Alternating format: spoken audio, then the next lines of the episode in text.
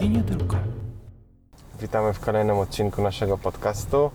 Dzień dobry. Dzień dobry. Ciąg dalszy podcastu z podróży w trasie i dalej opowiadamy o tym, jak wyglądają podróże służbowe, bo właśnie na takiej dzisiaj jesteśmy. A nawet byliśmy. Nawet byliśmy, tak. Więc y, zjedliśmy obiad, y, w zasadzie to, co zjedliśmy już i śniadanie. Jesteśmy w drodze powrotnej do Tokio. Pogoda ładna. Dzisiaj ile mamy stopni? 30 parę znowu? 32. 32, czyli jeszcze w normie. Tak, a mamy dopiero 9.30 rano. No cóż, no w Japonii szybciutko robi się teraz ciepło. Najgorsze, że nawet w noca, nocami jest gorąco. Tak, za to, W dzień 38, w nocy 33. za to w hotelu nawiew, choćby go ustawić na minimum, zamienia pokój w lodówkę. To też chyba jest takie jakieś, nie wiem, charakterystyczne, bo jest tak samo w pociągach. Nie wiem dlaczego, ale a co on tutaj odstawia za numer? Nie może się zdecydować. Tak. Przed nami jedzie samochód typu box, mini box. I coś próbuje zrobić, próbuje zrobić. ale sam jeszcze nie wie co. A, bo teraz dopiero kierunkowskaz włączyła kobieta. Okej. No a tu jaki ładny taki seledynek. No ale mieliśmy rozmawiać o, podróżach. o podróżach, a nawet o delegacjach. Tak, więc y, u mnie w firmie to wygląda tak, że najpierw muszę zaaplikować o zezwolenie na wyjazd służbowy. Jest to dokument, który muszę wypełnić. W zasadzie dwa dokumenty. Opisać gdzie jadę, po co, dokąd, dlaczego, godziny, gdzie się zatrzymam, jak będę jechał, czym i mniej więcej jaki mój budżet będzie na to. No jak zostanę na to e, potwierdzenie, zgodę, no to mogę jechać, ale w praktyce wygląda tak, że ja zapotrzebowanie na wyjazd służbowy oraz ostateczne rozliczenie daję tego samego dnia. Ale to chyba w wielu firmach tak jest, bo u mnie jest praktycznie tak samo. No niestety papierologia, papierologia jest, no ale myślę, że to w każdej chyba dużej firmie trzeba wypełnić jakieś dokumenty, żeby otrzymać zwrot e, podróży. Mhm. Jeszcze jest wiele takich właśnie różnych udogodnień. Na przykład, gdy rezerwujemy e, bilety na linie lotnicze, e, mamy specjalne wejście do specjalnych portali, które nie są dostępne publicznie, ani także to nie są stronami internetowymi linii lotniczych. Są jakby takim wewnętrznym systemem linii lotniczych i tam możemy bezpośrednio zamawiać sobie bilety po bardzo, bardzo promocyjnych cenach i naprawdę z dużą dowolnością możemy także zmieniać yy, czy to odloty, czy godziny. Mówię tutaj o lotach wewnętrznych wewnątrz kraju. Mamy tutaj trzech takich głównych przewoźników i naprawdę byłem zdziwiony, bo gdy szukałem cen yy, normalnie, yy, a później tam sprawdziłem przez nas portal, no to czasami różnica była na przykład 70%, było taniej. No ale oczywiście wtedy nie zbieramy żadnych mili, ani innych tam benefitów i tak dalej. E, Z kolei podróż Shinkansenem mamy także taką specjalną e, kartę, takie są karty Suica, są takie, karty e, jak karta miejska, coś w tym stylu, są także specjalne karty na, e, na Shinkanseny, więc e, już nie trzeba nawet kupować biletu, wystarczy to przez aplikację mobilną, właśnie Łukasz robi zdjęcia gór Góry i okolic, W Tokiu tego nie ma. więc wystarczy tylko zarezerwować e, w aplikacji online bilet już nie trzeba iść nawet do okienka, nie trzeba nic żadnego papierowego pobierać. Wystarczy potem tylko tą kartę przyłożyć na bramkach i już możemy jechać. Także możemy w dowolny sposób zmieniać, e, na przykład e, wziąć inny pociąg, czy zmienić miejsce, e, czy zupełnie jakoś przebukować go. Więc pod tym względem no to jest dużo różnych zalet, jeśli chodzi o takie korporacyjne, korporacyjne rozwiązania. E, A tak na co dzień, jadąc zwykłymi pociągami, e, no to przeważnie to e, wpisuje się na kartce, czy tam w Excelu, no bo Japończycy uwielbiają Excele, skąd dokąd się jechało i system sam to wylicza kwotę, albo nawet sami możemy podać tą kwotę. Pamiętasz, była jakaś ka- ciekawa sytuacja jeszcze poprzednich firmach, powiem tak w zawoalowany sposób. Pamiętasz, była sytuacja, kiedy nasz jeden kolega jechali Shinkansenem gdzieś, zauważył naszego innego kolegę biegnącego, czy też nadchodzącego, stanął w drzwiach Shinkansena i mówi, chodź, chodź, wskakuj, bo nasz pociąg odjeżdża. A się okazało, bo to był Shinkansen, tak, czyli tak zwany bullet train, to są naprawdę szybkie pociągi, to są pociągi typu TGV, czy nawet no Pendolino to trochę i- i- inny poziom, ale coś w tym stylu. Czyli e, wyobrażenie jest takie, że te, te pociągi to nie jeżdżą co, co jakiś czas, że one znaczy, że jeżdżą tylko co jakiś, co jakiś czas, a nie, nie, nie, nie w takich odstępach czasu, jak są w Japonii. O, o co chodziło? Ten nasz kolega, który stanął w drzwiach i zatrzymał odjazd Shinkansena na kilka sekund, okazało się, że on myślał, że jest w dobrym Shinkansenie, ponieważ kolejny od, od, od, odjeżdża za, za, za jakieś tam 3 minuty chyba. I on sobie nie zdawał sprawy, że, ten, że to nie jest, że Shinkansen odjeżdża 3 minuty wcześniej czy, czy coś, tylko on myślał, że on jest w dobrym Shinkansenie. Nie zdawał sobie sprawy, że kolejny może być już za 3, za, za, za 3 minuty, a w każdym Shinkansenie jest e, po 1000 osób. Także tu, tu, tu pokazuje właśnie skalę jakby tego wszystkiego, jak, jak to wygląda w Japonii. E, Te, te Shinkanseny, które to są naprawdę szybkie, ogromne, wielkie pociągi, super, e, ale kursują dosłownie jak pociągi, jak, jak metro. One odjeżdżają z peronu co, e, co kilka minut w szczycie. No i stąd można się nieźle czasami zakręcić właśnie, że, że wsiąść do nie tego, bo wydaje się, że to jest nasz, bo ponieważ czas odjazdu jest bardzo zbliżony, a okazuje się, że to jednak nie, nie ten, nie ten pociąg akurat nie. Ja kiedyś sprawdzałem statystyki, jeśli chodzi o e, czas odjazdów Shinkansenów, no to właśnie na stacji to, Tokio, tam e, nie przez cały dzień, ale przez większość dnia, jeden Shinkansen odjeżdża co minutę, biorąc pod uwagę całą stację Tokio. Mhm. Tak, no to, to, to jest Więc naprawdę niesamowite. jest ich naprawdę dużo i one są naprawdę, no nie są czymś takim, że mnie, ja też mi się wydawało, e, gdy przyjechałem do Japonii, że na przykład, nie wiem, taki, taki Shinkansen, taki szybki, super e, ten e, pociąg, no to on może pewnie raz czy tam dwa razy na dzień No dokładnie, jeździ. miałem takie, takie same miałem wrażenie. Myślałem, że tak trzeba się umawiać, że jak, jak, że jak na samolot idziesz, nie? Tak, A, a tu tutaj- troszkę inaczej. tak. W środku jest prawie jak w samolocie, Lepiej, dużo no, więcej no miejsca. przede wszystkim więcej miejsca. Tak. Więcej miejsca jest, no. A teraz nawet w, w tych nowych e, modelach wprowadzili miejsce na bagaże. Widziałeś to? E, Tak, no, no, akurat to jest duże utrudnienie mi się wydaje dla podróżnych, bo e, no, to, to jest taka nowość powiedzmy i trzeba pamiętać o tym, no może jakby ktoś z Państwa się będzie wybierał już po koronie powiedzmy, to będzie ważna informacja, że jeśli bagaż jest nadwymiarowy, nie pamiętam chyba trzy wymiary, jak masz trzy wymiary dodasz i jest powyżej 210 cm chyba, no to musisz kupić bilet na, na bagaż. Znaczy on nie jest drogi, bo tam w granicach 1000 jenów chyba, ale problem jest taki, że tych miejsc jest bardzo mało e, w, w wagonach i może się okazać, że nie ma miejsca, bo już ktoś inny wykupił wcześniej, no to trzeba, nie można wsiąść, trzeba czekać na kolejny Shinkansen. No ale w sukurs przychodzi nam częstotliwość odjazdów tych pociągów, czyli nie będziemy czekać, nie wiem, kolejne pół dnia na kolejny Shinkansen, tylko być może kolejne 5 minut lub 10-15. Tak, bo takie zwykłe e, walizki, które w, normalnie w samolocie mieszczą się do, e, do kabiny, no to z nimi to nie ma problemu. Je Mhm. można mm, położyć na takiej półce nad głową, nad nami. E, większe torby, takie, które normalnie w samolocie za sobą zabieramy do samolotu, e, to też w różnych Shinkansenach nieraz są wyznaczone miejsca, e, takie przegródki, gdzie można położyć tą torbę. Jest taki specjalny łańcuszek czy linka, gdzie tam e, ustalając jakiś e, trzycyfrowy PIN można zabezpieczyć tą torbę, żeby nikt tam przez pomyłkę nam nie zabrał, no bo o kradzieży nie ma mowy. Chociaż licho to wie, Licho, wiesz, wszystko może się zdarzyć, no ale lepiej zabezpieczyć. No i wtedy e, można jakoś w miarę wygodnie podróżować. Mi wiele razy się zdarzyło, że niestety wszystkie miejsca były zajęte, szczególnie jak to jest jakiś okres wycieczkowy albo trafimy na przykład jakąś wycieczkę e, dzieciaków jadących gdzieś tam, e, no to wszystkie miejsca te właśnie na walizki są zajęte.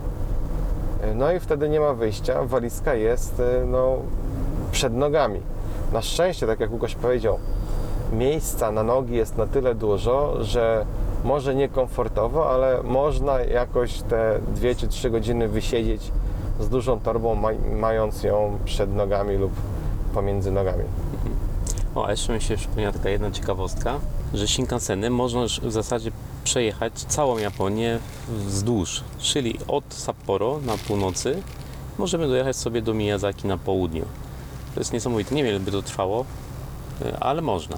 Już y, wszystkie jakby te nitki Shinkansena zostały połączone, oddane do użytku i można sobie zrobić taką ciekawą wyprawę. Czy kiedyś zawsze chciałem się przejechać tymi e, Sunrise Express. To są. A e, nocnymi? Nie. Tak, to są takie nocne pociągi, gdzie masz e, takie e, nie tyle łóżka, to masz na przykład maty tatami. Ryczę. Nie, masz maty tatami, A, masz tak, taki tak, tak, onsen e, na nogi, gdzie można sobie Tak, tak, tak, wymoczyć nogi w ciepłej wodzie.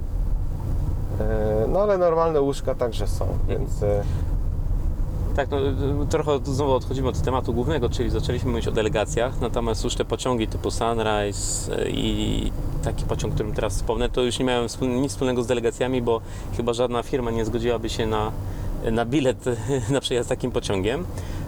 Jest pociąg w- na, na Kyushu takich pociągów coraz więcej, takie pociągi, jak je, jak je nazwać? To są pociągi rozrywkowe, hotele.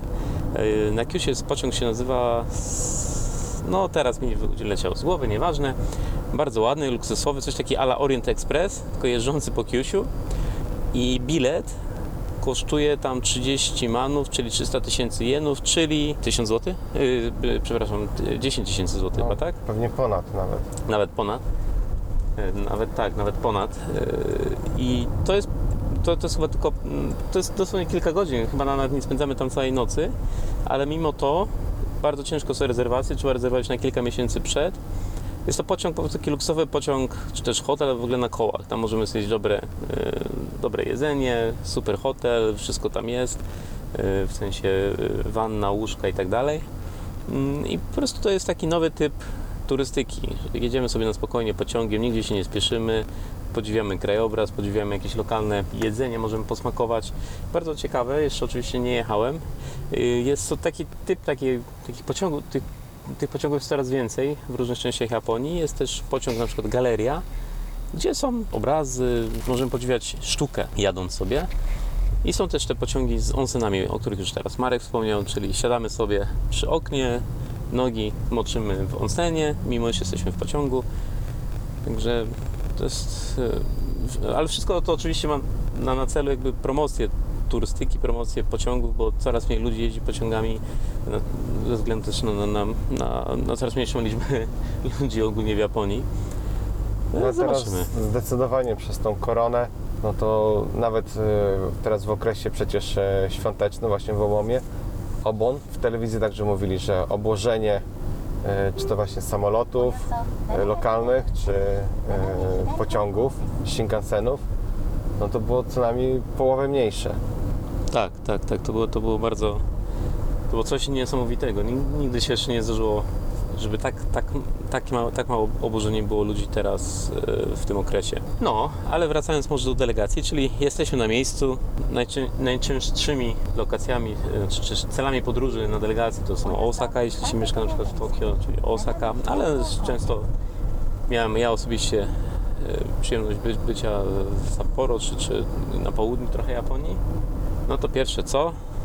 No to trzeba coś zjeść. Najczęściej po podróży. I Japonia oferuje niesamowite możliwości kulinarne. Japonia jest tylko trochę większa od, od Polski, nie jest jakiś taki strasznie wielki kraj. Natomiast e, jest rozciągnięty geograficznie dosyć mocno. I e, w zależności od regionu Japonii możemy popróbować różnych, różnych potraw, e, lokalnych przysmaków. Często to są jakby mm, troszkę inne sposoby czy, robienia tego samego lub trochę inne potrawy, czyli to nie jest tak, że, że e, na północy zjemy zupełnie coś innego niż na południu, ale jednak no, smaki się trochę różnią, sposób przygotowania się różni, no i każda jakaś potrawa ma tam swój e, koloryt, bo e, w tej potrawie odbija się jakby historia, czy też kultura danego regionu. My akurat nie jesteśmy teraz w Nagano, czyli region Shinshu, słynący z soby. Szczerze mówiąc nie jedliśmy jeszcze soby, nie było okazji, ale może, może gdzieś na jakimś parkingu jeszcze będzie. Tak, ja z kolei podróżowałem w sumie prawie, że po całej Japonii służbowo, czyli zaczynając od Hokkaido, Sapporo, Bardzo chciałem iść do, jechać do Wakanai, czy to jest najbardziej na północ Japonii, no i Hokkaido położone miasto, które przez długi okres jest odcięte od świata ze względu na zimę. I akurat kiedy ja tam byłem, to już była zima, no ale nie spodziewałem się, że aż tak wielka zima. Y, Wtedy byłem kilkanaście razy na Hokkaido i także byłem w ciągu y, lata. I co mnie bardzo zastanowiło, były takie tyczki przy drodze ze strzałką w dół. One były na jakiejś takiej wysokości, nie wiem, może 5-6 metrów. Zastanawiałem się, po co to jest, to, co to wskazuje, nie wiem, może jakieś punkty kontroli, czy, czy co. No i dopiero jak byłem w zimę, no to e, odkryłem, że to wskazuje, gdzie jest droga. I w zimę e, one wcale nie były na wysokości 5 metrów, tylko może 2-3, więc e, tyle śniegu było pod nami. Więc e, to naprawdę e, Hokkaido jest zupełnie inne. Niestety nie udało mi się dojechać do Wakanai. Wtedy musieliśmy odwołać e, naszą podróż. No ale na pewno tam jeszcze zawitam. No Sapporo jest super. E, Byłem także w, w Akicie, byłem w, w północy. W zasadzie w większości prefektur byłem. Tylko właśnie, to jest podróż, podróż służbowa. Wszyscy mi, mi mówią, że o, ale ty super masz, że przecież podróż służbowa, tam to zobaczysz, tam zobaczysz, tutaj gdzieś pójdziesz. No nie, no nie, no przyjeżdżam na miejsce, na przykład nieraz muszę wcześniej rano e, wyruszyć, przyjeżdżam na miejsce, idę tam do, do biura, czy tam spotykam się z klientem. E, Przeważnie jedyny moment, gdzie mogę gdzieś tam wyjść, no to jest właśnie klient nas zaprasza, żeby tak jak Łukasz powiedział, coś lokalnego spróbować, coś dobrego zjeść, coś innego. Później znów wracamy do biura, czy tam do, no, generalnie do pracy. No i jeżeli jest taka możliwość, no to tego samego dnia e, wracam e, do domu. A jeżeli nie, no to musimy zostać na noc, no to wtedy do hotelu. No i czasami wieczorem, w zależności od klienta, w zależności od tego także co tam robimy, e, na jakim także jesteśmy szczeblu, czy znamy te osoby, u których jesteśmy, czy nie znamy, e, to możemy iść na wspólną kolację lub nie. I w zależności od tego właśnie jak panują tutaj stosunki, może być e, wesoło łącznie z karaoke, a może być dosłownie przy milczącym stole przez 40 minut i każdy się rozejdzie w swoją stronę. Tak, to wszystko zależy od tego, czy to jest, jakie są relacje między klientem a, a nami. No o, o, oczywiście są też delegacje jakby polegające na, na, na wizycie we własnych biurach, tak? Z kimś trzeba po- porozmawiać, coś, coś przegadać. Do tej pory to w Japonii było wręcz nagminne. A, trzeba, trzeba pogadać, no to, no to jedziemy do Was. I spotykaliśmy się gdzieś tam. E, oczywiście już na długo przed koroną firmy doszły do wniosku, że to jednak lekka przesada, żeby e, spotkanie wewnętrzne robić w ramach delegacji. E, ten proceder został trochę ukrócony już wcześniej, jak ja tutaj zaczy- zaczynam pracować. E, ale ciągle jeszcze jakieś e, wyjazdy do klienta i tak dalej, to oczywiście nie było z tym problemu jak najbardziej zawsze, bo i klient chce, żeby ktoś był na miejscu, pogadać face to face. No i oczywiście no, klient chce, no to to jedziemy. Teraz yy, ciekawe jak to się zmieni właśnie, jestem bardzo, obserwuję to wręcz. Yy, cała ta kultura tych delegacji w Japonii to była naprawdę, to była, to była taka ranga kultury wręcz. Yy, Delegacje, czyli to, to był taki cała otoczka. Yy, kupujemy prezenty yy, dla, dla tych, do których jedziemy i później dla, yy, dla naszych ludzi yy, w, biurze na przykład w Tokio, skąd wy- wyjechaliśmy. E, To było połączone często z jakimiś kolekcjami, z wyjściami z klientem, czy, czy, czy z, naszym własnym zespołem. I teraz nagle to wszystko e, zni- zniknęło, praktycznie to nie istnieje. W hotelu, w którym dzisiaj byliśmy, no to dosłownie ja widziałem tylko kilkoro gości. E, Booking.com oczywiście wskazywał, że ostatnie dwa pokoje bukujemy. No, no, nie, no nie, raczej nie. Tam, jak to się mówi, wiatr hulał i huczał, czy coś takiego, jak na dworcu w Kielcach podobno. Było niewiele osób w, hotelu, o czym świadczy zresztą ilość e, sprzedawanych e, ciasteczek czy bułek, bułek, które były wstawione. No dosłownie kilka tylko było, nie było ani wyboru, ani, ani, ilości, co też świadczy o bardzo małej ilości os, e, osób w hotelu.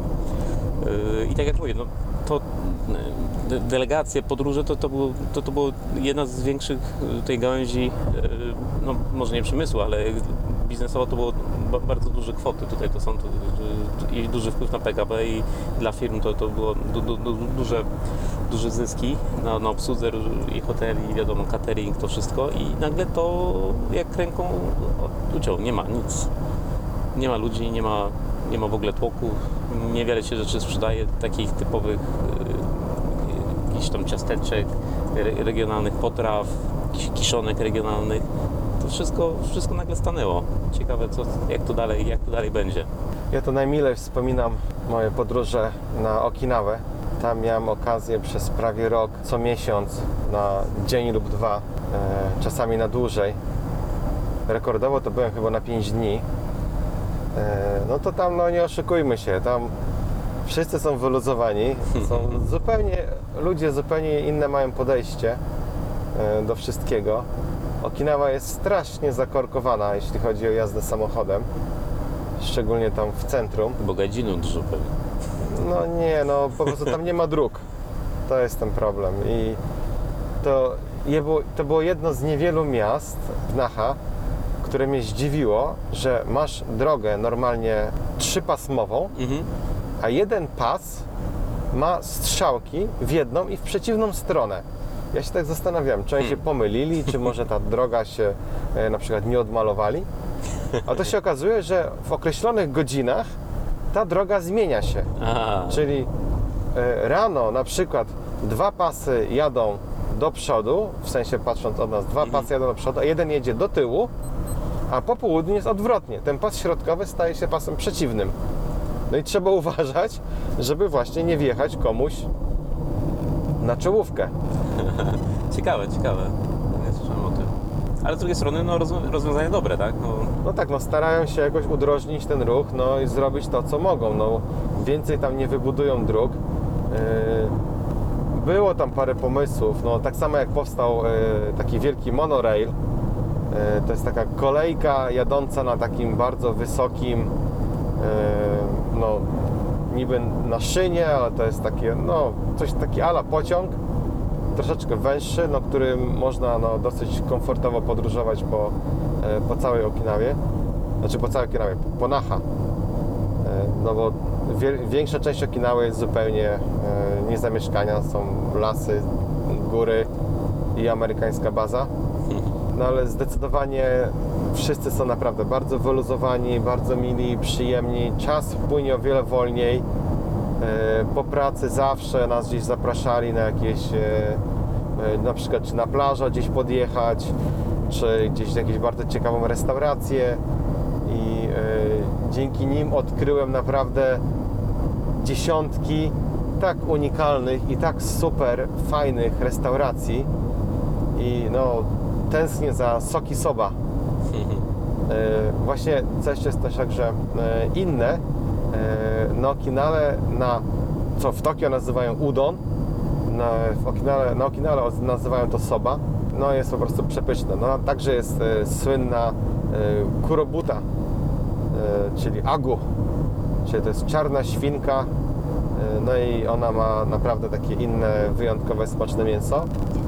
A z kolei dla wszystkich wegetarian to także tam jest raj, bo mamy cały zestaw rozmaitych e, owoców morza, także owoców e, no, takich tropikalnych, więc myślę, że to jest dla każdego coś miłego. No i są przepiękne plaże, dziesiątki wysp, na które można dopłynąć bardzo szybko, no i poczuć się no, zupełnie jak na jakimś tropikalnym, zupełnie innym kraju i naprawdę wiele osób nawet sobie nie wyobraża, że to jest ciągle Japonia, a jest naprawdę przecudownie. Teraz jeszcze troszeczkę wrócę do tego, że właśnie teraz jedziemy przez tunele. Japonia także jest słynna z tego, że ma bardzo dużą ilość tuneli, które idą przez środek gór i czasami tak jak ten tunel, teraz, teraz jedziemy, ciągnie się przez y, kilka ładnych kilometrów. Ten akurat się ciągnie przez 6 kilometrów. No i jest to tunel, gdzie ma dwie, dwa pasy jezdni w jedną stronę, a obok jest tunel, który jest w przeciwną stronę, także ma dwa pasy. A pod nami, czego tutaj nie widać, e, bo tunel jest w kształcie koła, My jesteśmy mniej więcej na połowie, a pod nami jest tunel awaryjny, który ta pozostała część e, jest wydrążona. Jest tunel awaryjny, do którego mieści się specjalna karetka i specjalna, e, specjalny samochód Straży Pożarnej. O, E, Ale- Poza tym tutaj są, e, co jakiś czas są wyjścia awaryjne, e, są oznaczone i gdy przejdziemy przez to wyjście awaryjne, to tak naprawdę tam jest zjeżdżalnia, ślizgiem zjeżdża się niżej właśnie do tego awaryjnego tunelu. no proszę. Tak, kiedyś miałem okazję zobaczyć właśnie w programie, gdzie pokazują miejsca, gdzie zwykli ludzie nie mogą wejść, no bo nie powinni. I tam właśnie pokazywano, wtedy pokazywano e, Aqualine. To przez chwilę to był jeden z najdłuższych chyba tuneli na świecie. Zresztą w Chinach to zaraz Pod- raz dwa wybudowali, tak, podwodnych. Więc e, naprawdę warto. No, Aqualine także jest przepięknym miejscem. Tam jest u Michotaro, to jest parking na środku. E, To jest wejście do portu. Na środku zatoki, nie? Na środku Zatoki Tokijskiej, tak, jest wejście do portu. Jak jest piękna pogoda, no to możemy podziwiać dziesiątki statków, w zasadzie całe Tokio, e, Yokohamę, e, no i dziesiątki samolotów podchodzących do lądowania. No tak, to jest miejsce w centrum. Ale nie, nie łatwo tam się dostać. Pe, pe, zawsze jest tam, parking jest pełny. No i też nie jest tam tanio, szczerze mówiąc. W sensie yy, przejazd tunelem jest bardzo drogi. Chyba, że jedziemy w czasie świąt, to wtedy są opłaty obniż, obniżone. Ale jeszcze chciałem nawiązać do Okinawy. Tam jest ciekawa sytuacja, ciekawa, ciekawa historia. Okinawa to, była, to był rejon Japonii najpóźniej zwrócony Japonii y, od, od Amerykanów, tak? bo Japonia była pod okupacją amerykańską y, i Okinawa została zwrócona Japonii dopiero w 1972 roku. A co się z tym wiąże? No to oczywiście, y, kiedy była Okinawa pod okupacją, to ruch obowiązywał prawostronny, tak jak w Stanach. Ale jak zmienili na Japonię, no to nagle się zrobił ruch lewostronny. I podobno e, właśnie ten, ten okres przejściowy, kiedy oni przechodzili z ruchu lewo, prawostronnego na lewostronny, no to był ciekawym e, okresem dla, dla komunikacji w, na Okinawie. Bo wielu, os- wiele osób musiało się nagle przestawić, e, wszystkie znaki i tak dalej trzeba było, e, trzeba, było przestawiać. Że to był bardzo, bardzo ciekawy okres pod względem komunikacji w Japonii, e, na Okinawie. Tak też czytałem, że to jest chyba jedyny, e, jedyny przypadek w XX wieku, żeby zmieniono ruch z prawego na lewostronny. Ale chyba też gdzieś było jeszcze, nie wiem, e, w Afryce gdzieś także chyba była taka zmiana. Już nie pamiętam. Pewnie tak. Czy w ogóle w Japonii to jest, o tym się nie, nie mówi, bo to jest nawet wręcz chyba trochę wstydliwe dla Japończyków, znaczy szczególnie teraz nie jest to, nie ma to wielkiego znaczenia, ale Japonia jest podzielona mm, na dwie części, wschodnią, zachodnią, jeśli chodzi o yy, jak to się ładnie nazywa, nie natężenie prądu, tylko herce, Częstotliwość. Tak? Częstotliwość. Na, na zachodzie Japonii, czyli Osaka i reszta, obowiązuje chyba 50 Hz, a po stronie tokijskiej i, i dalej na, na, na północ-wschód e, 60 Hz. Albo na odwrót, Albo nieważne. odwrotnie. Albo odwrotnie. I do, to całkiem jeszcze do niedawna e, trzeba było wiedzieć, e, na przykład, nie wiem, suszarki, lokówki i inne, inne sprzęty elektroniczne nie działały. Jak się coś kupiło w, Japo- e, w Osace, to nie można z tego było korzystać w Tokio. E, Teraz oczywiście już, już, już na te, e, częstotliwość tego prądu jest zmieniana automatycznie, czy to urządzenie, czy przez jakieś adaptery. Nie ma z tym większego problemu. Natomiast kiedyś to był problem i, i, i trzeba było o tym pamiętać, jak się gdzieś jechało e, właśnie na delegację. E, Jak ktoś chciał ze sobą zabrać lokówkę, no to musiał pamiętać o tym, że ta lokówka, raczej mu nie zadziała w Osace, jeśli jechał z, e, z Tokio. A z czym to się wiąże? No to jest tam jakaś pewnie cała historia z różnymi ciekawymi wątkami, ale krótko mówiąc, część Japonii, czyli tą załóżmy wschodnią, y, zrobił Siemens, a część y, zachodnią czy wschodnią y, General Electric. I po prostu Japonia została podzielona na, na, na dwie strefy wpływów tych dwóch korporacji, no a że oni dysponowali innymi systemami, e, no to Japonia również musiała zostać podzielona. I to niestety to pokutuje, to, to oczywiście mówimy o czasach tam ponad 100 lat temu, tak? Kiedy następowała elektryfikacja Japonii i tak dalej, ale to pokutuje do tej pory, kiedy po tym wielkim trzęsieniu ziemi w 2011 roku stanęły elektrownie atomowe e, i bra- brakowało prądu w różnych rejonach Japonii. Mo- Można było ten prąd, oczywiście w normalnym kraju by to się ten prąd przesuwał z jednej elektrowni do drugiej, ale w Japonii nie jest to proste, bo nie może e, elektrownia, która pracuje w części zachodniej, nie może wysłać bez, bez problemu prądu do części wschodniej. Y, są takie ogromne transformatory, które postawione są faktycznie w paru miejscach, ale to, to, to jest tylko część wymaganej mocy jakby przerobowej, a nie, jest, nie wystarczy przepiąć linii. Y, I niestety tutaj Japończycy sobie bardzo utrudnili życie i, i chyba no, ciągle tak to będzie, bo to zbyt duży koszt, żeby to y, zrobić, wyrównać do jednego poziomu.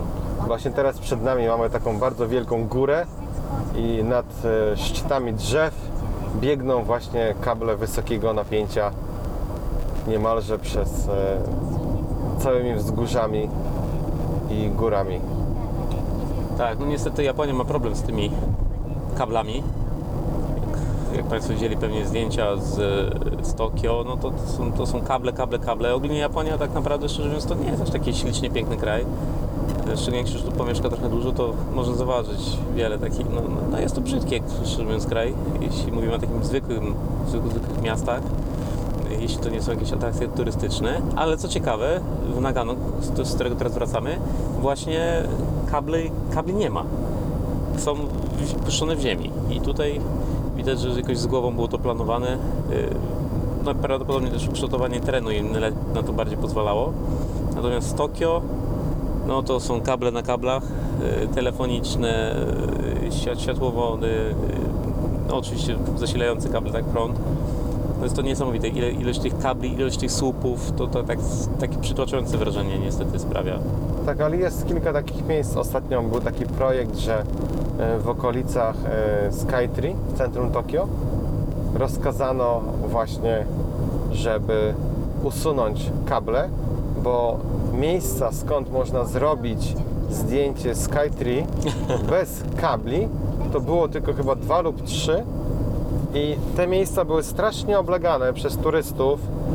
Y, Tam na przykład było czasami zaparkowanych kilkanaście autokarów, głównie z, z podróżnikami z Chin. Y, Więc z każdego autokaru wyszło 40-50 osób i wszyscy chcieli zrobić tutaj zdjęcie. Robiły się straszne korki i no takie bardzo e, pragmatyczne podejście.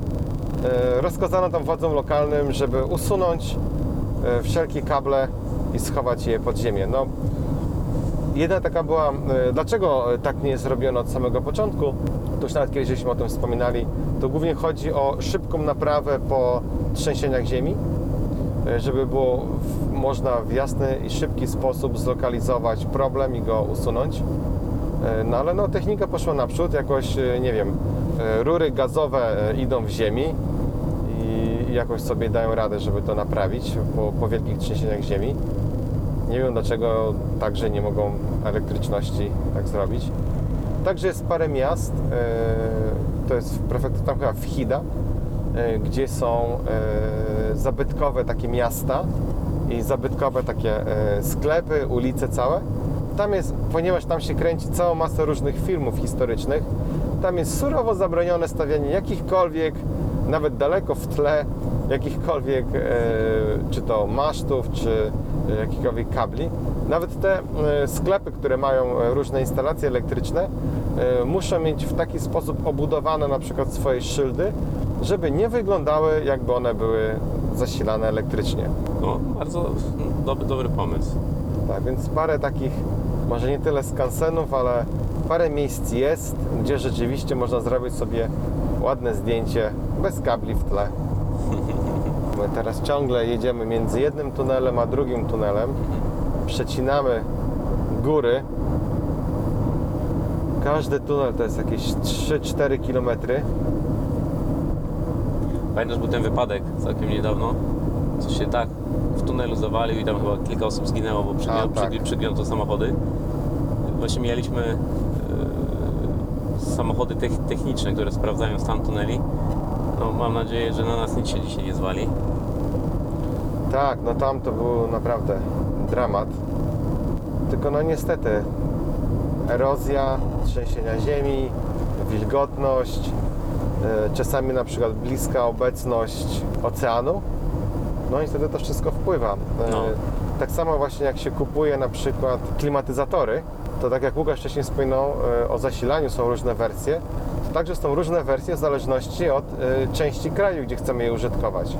Więc są inne wersje na Hokkaido, e, które muszą wytrzymać mróz i śnieg. E, To także chodzi przed o samochody, o właśnie klimatyzację. Inne klimatyzacje są także, gdy na przykład mieszkamy blisko oceanu, gdzie tam jest słona woda w powietrzu. Więc tutaj jest parę rzeczy, które trzeba brać pod uwagę. Wiele rzeczy nie jest tak prostych Nie, i jest- nie, jest, oczywistych, nie jest tak, nie są oczywiste te rzeczy. jakby to się nam wydawało. No cóż, no Co kraj to obyczaj. tak, no, no Japonia już powtarzamy to wiele razy. Jest bardzo długim krajem, który naprawdę od bardzo zimnych po bardzo gorące tereny pokrywa. Przez to także jest urokliwa i bardzo e, urozmaicona. Mhm. Zawsze są jakieś plusy. Dodatnie są też i plusy, Plusy ujemne. Tak. Z tych plusów ujemnych jest to jedynie to, że czasami jak wszędzie można łatwo dojechać, dolecieć, e, ale akurat na ten sam pomysł wpada e, oczywiście od, od razu kilka milionów osób i, i, i znajdujemy się gdzieś w miejscu urokliwym, aczkolwiek bardzo przepełnionym. Dlatego akurat teraz ta, ten okres tej korony tak w zasadzie to jest super na podróże, bo wsz- wszędzie jest e, luźno, nie ma tłoku, nie ma kolejek e, i jakoś jest tak przyjemniej w sumie w pewnym sensie. Tanio, nie? No tak, no zdecydowanie jest taniej, ale na przykład też sobie tak e, wymyśliłem, że mm, chciałem odwiedzić e, właśnie na Hokkaido taki resort Hoshino się nazywa. O, E, panie. To są takie właśnie już e, bardziej no nie tyle ekskluzywne, no ale no takie zdecydowanie lepsze e, jakościowo, położone w bardzo ciekawych miejscach i e, tam właśnie na Hokkaido, e, właśnie ten resort Hoshino ma restaurację, która przez część dnia wygląda jakby była ponad chmurami. Czyli pod nami jest jakby zalane morze chmur i możemy sobie wypić kawkę siedząc ponad chmurami. No i myślę sobie, korona koroną, no to Chińczyków tam pewnie nie będzie, no bo wszyscy anulowali. Może jest szansa, że uda się jakiś tańszy bilet wyhaczyć. No niestety, nic bardziej mylnego. Ceny są takie same. Na ten sam pomysł wpadło bardzo, bardzo wielu Japończyków, więc y, zupełnie nie polecam. No, generalnie teraz osobiście to nie polecam nigdzie podróżować. No, korona jednak ciągle jest mocna, silna i naprawdę trzeba uważać. Bo mimo tego, że ostatnie y, wiadomości podawały, że teraz większość zakażonych y, jest w przedziale między 10 a 30 i 40 e, latków, więc teraz zdecydowanie młodzież choruje, no i także młodzi dorośli. No ale także wzrosło, pokazywali wśród 90-latków. O. Tam był wzrost chyba o 15%, więc nie wiem gdzie, jaki, który dom opieki społecznej został zaatakowany, albo która wyspa e, gdzieś tam właśnie w okolicach Okinawy. Bo tam jest taka jedna słynna wyspa, gdzie Żydzie, lu- ludzie żyją najdłużej na świecie. Tam ponad e, 100, 108 lat, 110 lat to jest coś normalnego. I robiono tam także różne badania, e, dlaczego właśnie akurat na tej wyspie tyle osób żyje tak długo. E, No i odkryto poniekąd. Sekretem było to, że większość z nich, gdy wstaje rano, no to popija lokalną sakę. No proszę. E, oczywiście tak miarę. Awa- Awamori z- zgaduję. Tak, tak e, po prostu dla zdrowotności. Poza tym głównie pracują e, na polu, czyli są w ruchu. Gdy są osobami starszymi, tam są bardzo silne takie lokalne wspólnoty, grupy, czyli osoba starsza nie jest sama sobie jakby pozostawiona, czyli jej umysł ciągle dalej może pracować, no bo ma różne zajęcia z różną, ze swoimi rówieśnikami, no bo wiadomo, dzieci czy wnuki już dawno opuściły tą wyspę za pracą, czy za swoimi zainteresowaniami, czy za studiami e, wyjechało, czy tam na Fukuokę, czy, czy nawet do Tokio, albo nawet jeszcze dalej i nawet już nie zamierzają tam wracać. I wiele właśnie osób starszych z sąsiadami, właśnie w lokalnych grupach, ciągle e, coś tam robią, czymś się zajmują. I to była ta właśnie aktywność fizyczna i psychiczna dalej e, pozwalała na to, żeby e, ta demencja czy objawy starości tak szybko nie następowały. Mhm. A ostatnim już taką częścią e, jakby całej składanki było to, że oni jedzą bardzo dużo owoców morza, no bo to jest wyspa. E, Jedzą także jakiś tam pewien, tylko jedną, e, chyba są tylko dwa rodzaje wieprzowiny i wołowiny. To są jakieś tam lokalne odmiany. No i naukowcy podejrzewają, że tutaj właśnie jest sekret w kombinacji tych wszystkich warunków, jakby. Dzięki temu mogą żyć o zdecydowanie dłużej. A e, nawiązując do demencji, to, że jest sprzedaż ilościowa pieluch dla dorosłych przewyższyła już dawno pieluchy dla dzieci, to jest też sprawa e, oczywista i właśnie stara. E, Ale co ciekawe, będziemy. Jest nowy trend, czy też jakaś nowa moda się pojawiła, coraz więcej gier dla osób starszych.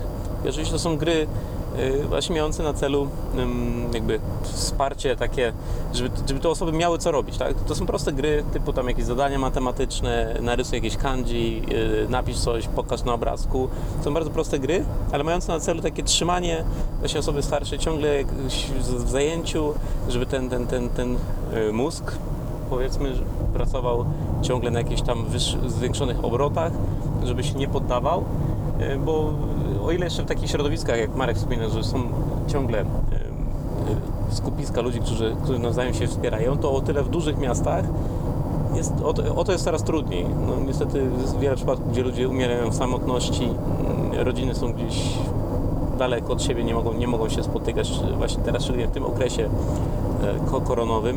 Stąd producenci gier wychodzą naprzeciw i zaczynają robić gry dla, dla osób starszych. To będzie, wydaje mi się, ten, ten trend będzie mocno teraz e, nabierał na sile. No na pewno. Jest tak, że e, przecież w wielu prefekturach, też o tym chyba wspominaliśmy, są udostępnione takie specjalne roboty.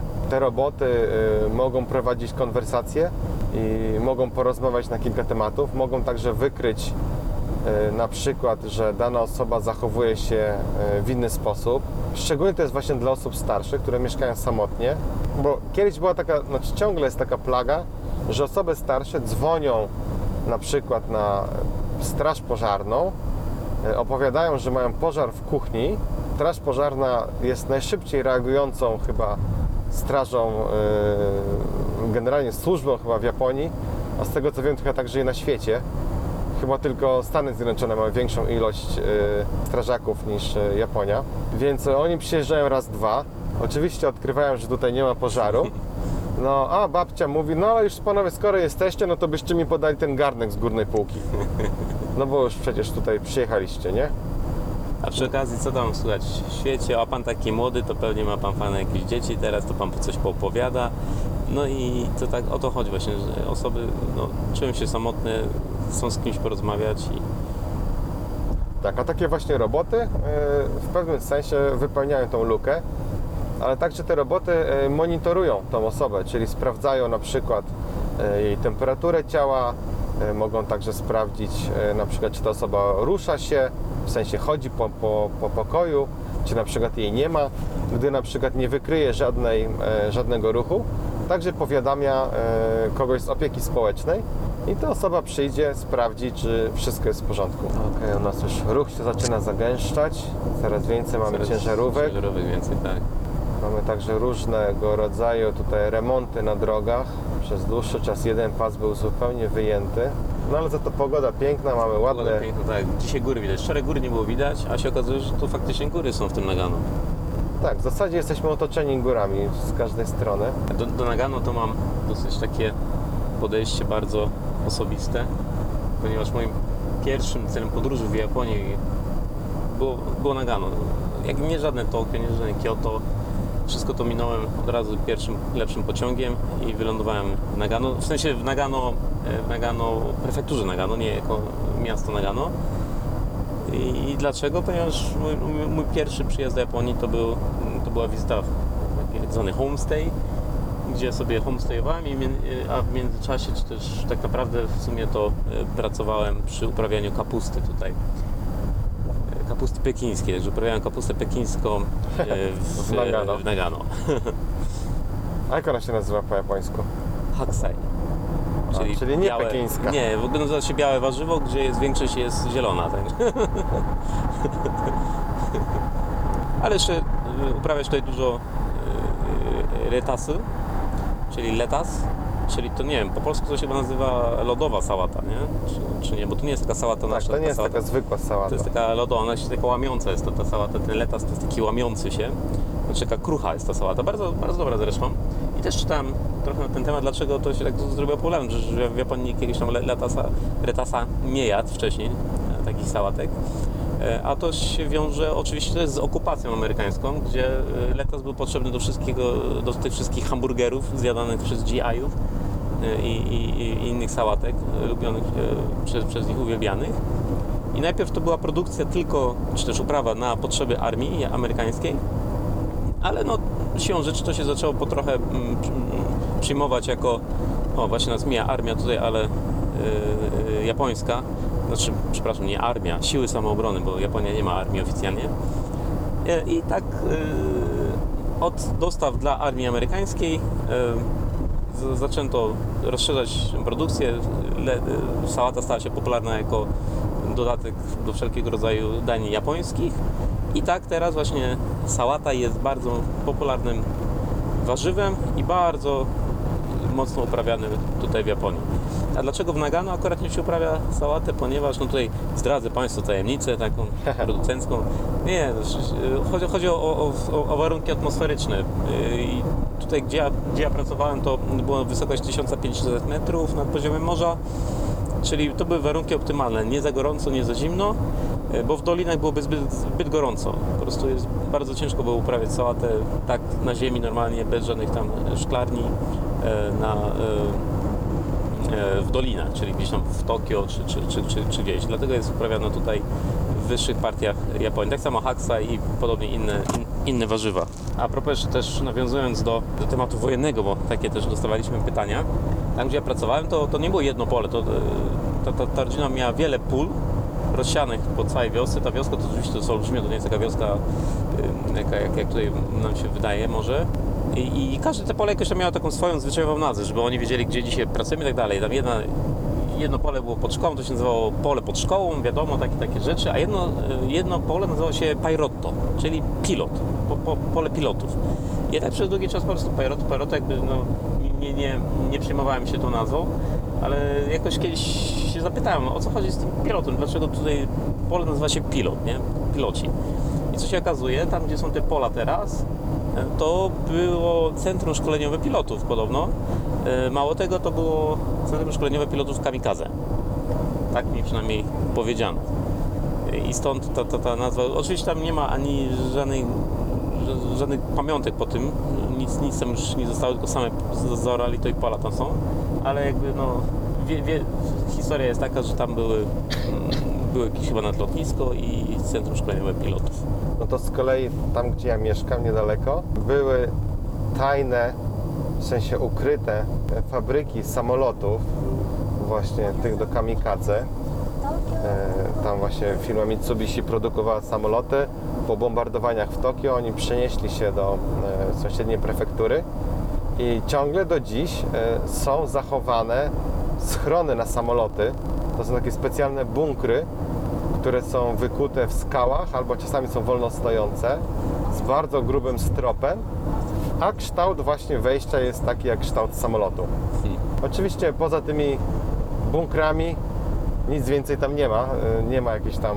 y, Jest tablica, którą starałem się odczytać, ale jest zardzewiała, y, napisów nie widać.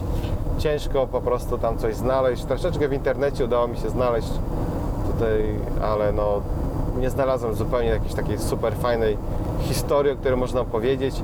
Poza tym, że można no, podjechać tam i sobie cyknąć zdjęcie na tle jakiegoś tutaj właśnie bunkru dla samolotów. Znów mamy roboty drogowe, znów muszę No zjechać. cały, na- cały czas, ale z drugiej strony ruchu wielkiego też nie ma, także całe szczęście nie, nie przeszkadza nam to bardzo w podróży. No, ale chciałem tam zjechać do jednego serwis area. Niestety było w budowie i nie zjechałem, więc zajedziemy do Do następnego. następnego. No bo musimy kupić te słynne Pamiątki. pamiątki, tak. Zobaczymy, co tutaj będą sprzedawać Tak, przeważnie pamiątek e, są one pakowane w takich papierowych, owiniętych pudełkach i są przeważnie to są jakieś ciasteczka i w ilości takiej, żeby właśnie każdy z biura mógł dostać coś, czy tam nie wiem, 12, Starczyło na team, nie? tak, 12, 24, 36, czasami 72. Więc ja zawsze muszę zliczyć ile tam osób, tak. Więc e, raz, dwa kupuję tyle, ile jest potrzebnych. Czasami są różne smaki. Czasami niektórzy, ponieważ wiedzą, gdzie jadę, no to już od razu zrobią z, e, zgłoszenie, zamówienie, że potrzebują właśnie to i to, bo to jest najlepsze. Tak, tak, tak, tak. To też się często zdarza. Poza oczywiście takimi smakołykami, tak? Jakieś tam ciasteczka czy coś. To już wspominaliśmy, każdy rejon ma jakieś swoje własne przepisy na, na, na kiszonki, yy, na sobę na przykład, czyli makaron gryczany. Yy, ja, yy, Naga- Nagano tutaj słynie troszeczkę z soby i być może skuszę się na sobę. Zobaczymy, co tam będą sprzedawać. No zobaczymy. Może pojedziemy do tej, nie wiem, Yokokawa Możemy zobaczyć, jeśli jest duży, to możemy zobaczyć. Gdzie to jest? za 28 km. No, to Nasza idealnie. nawigacja Starbucks powiada, będzie. że mamy serwis area, mamy Starbucks. Nie wiem, jak się śmiejemy z tym, z tym Starbucksem, bo w Japonii to, to żaden, żaden luksus. To jest, e, normalna, normalna kawiarnia. Aczkolwiek faktycznie dobra, mają szybki internet.